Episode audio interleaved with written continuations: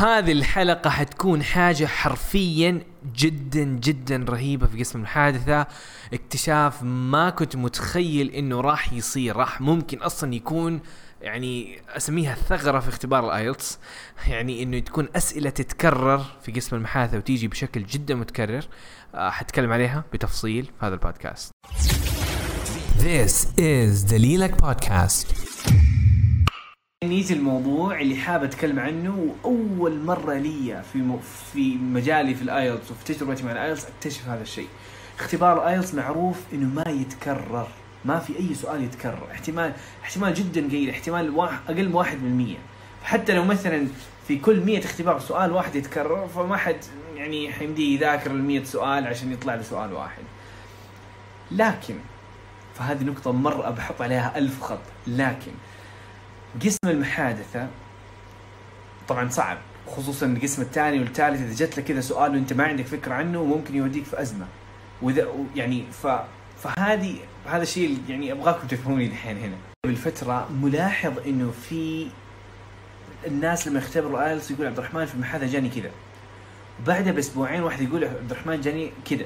والسؤالين هم نفسهم. وأنا أقول ما أدري ليش قاعد يتكرر ما هو الشيء أنا متعود عليه. وطبعا ما شاء الله في الأسبوع تقريبا 30 20 شخص منكم يقول لي عبد الرحمن اختباري كان كذا وكان كذا وكان كذا.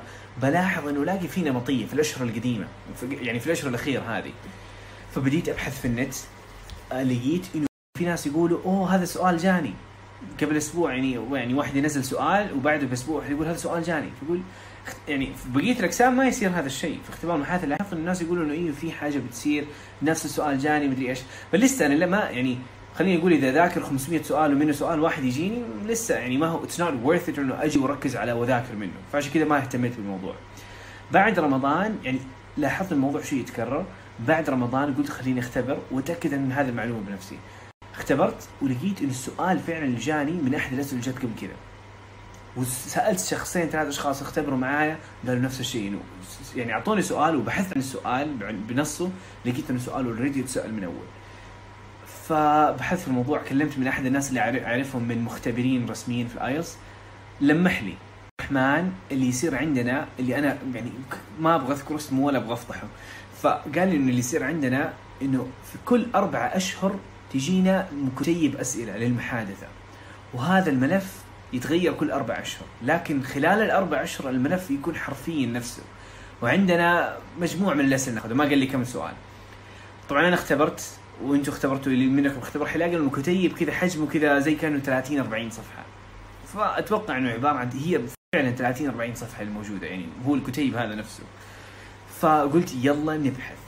فجيت وبحثت عن أسئلة بحثت في ناس كانوا مجمعين بعض الأسئلة IELTS ليس المواقع الكبيرة هذه الناس اللي اختبروا الناس اللي نزل تجاربهم في النت المتابعين المشتركين بديت أجمع أجمع أجمع أجمع أسئلة ووصلت إلى خمس وطبعا هذا الكلام كله في الأسبوع الماضي. فوصلت إلى 55 سؤال اللي إذا أنت دخلت اختبار خلال من شهر May اللي قررت شهر May إلى شهر August نهاية شهر August. إذا دخلت اختبار IELTS وذاكرت من هذا ال 55 سؤال في الجزء الثاني ال part 2 وال part 3 احتمال 97 إلى 96% إن السؤال من الملف حيجيك من الأسئلة المتوقعة للاختبار للمحادثة. هذه المعلومة اللي حبيت أشارككم هي اليوم. ملف جاهز ومجهز عليه وشغال عليه وجاهز ومجاني لعيونكم يعني ما ما ما, ما قاعد أبيع لكم حاجة باختصار. اللي قاعد حبيت انه أشرح لكم هي هذه الفكرة إنه صراحة اكتشاف غير طبيعي.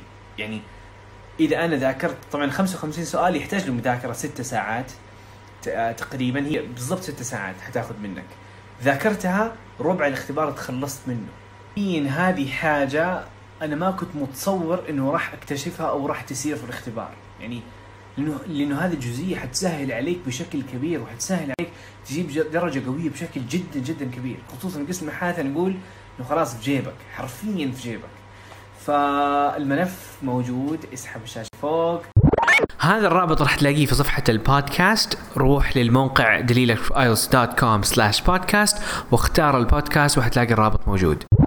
أول مكان أعلن عنه في هذا الملف هو في السناب. الحين راح أكتب التغريدة آه وحنشر عليها وحنشرها في كل مكان. فيمديكم تنشروا ملف الملف ليكم ذاكروا فيه ويا ريت تهتموا بهذه المعلومة لأنه من جد أخذت مني أيام وملف. يعني زي ما يقول حاجة please في جيبك لا تضيعها لأنه اختبار IELTS ما هو اختبار بسيط. ذاكر فيها وتدرب فيها يا ريت. وكل المعلومات عن كيف تتدرب إلى آخره موجودة في الملف نفس الوقت. شرحت فيها ال- القصة بالكامل. Thank you so much for listening. مرة مقدر اهتمامك واستماعك ودعمك. فهذه الأيام صراحة بحاول إنه أعطي أفضل ما عندي وإنه أساعد الجميع.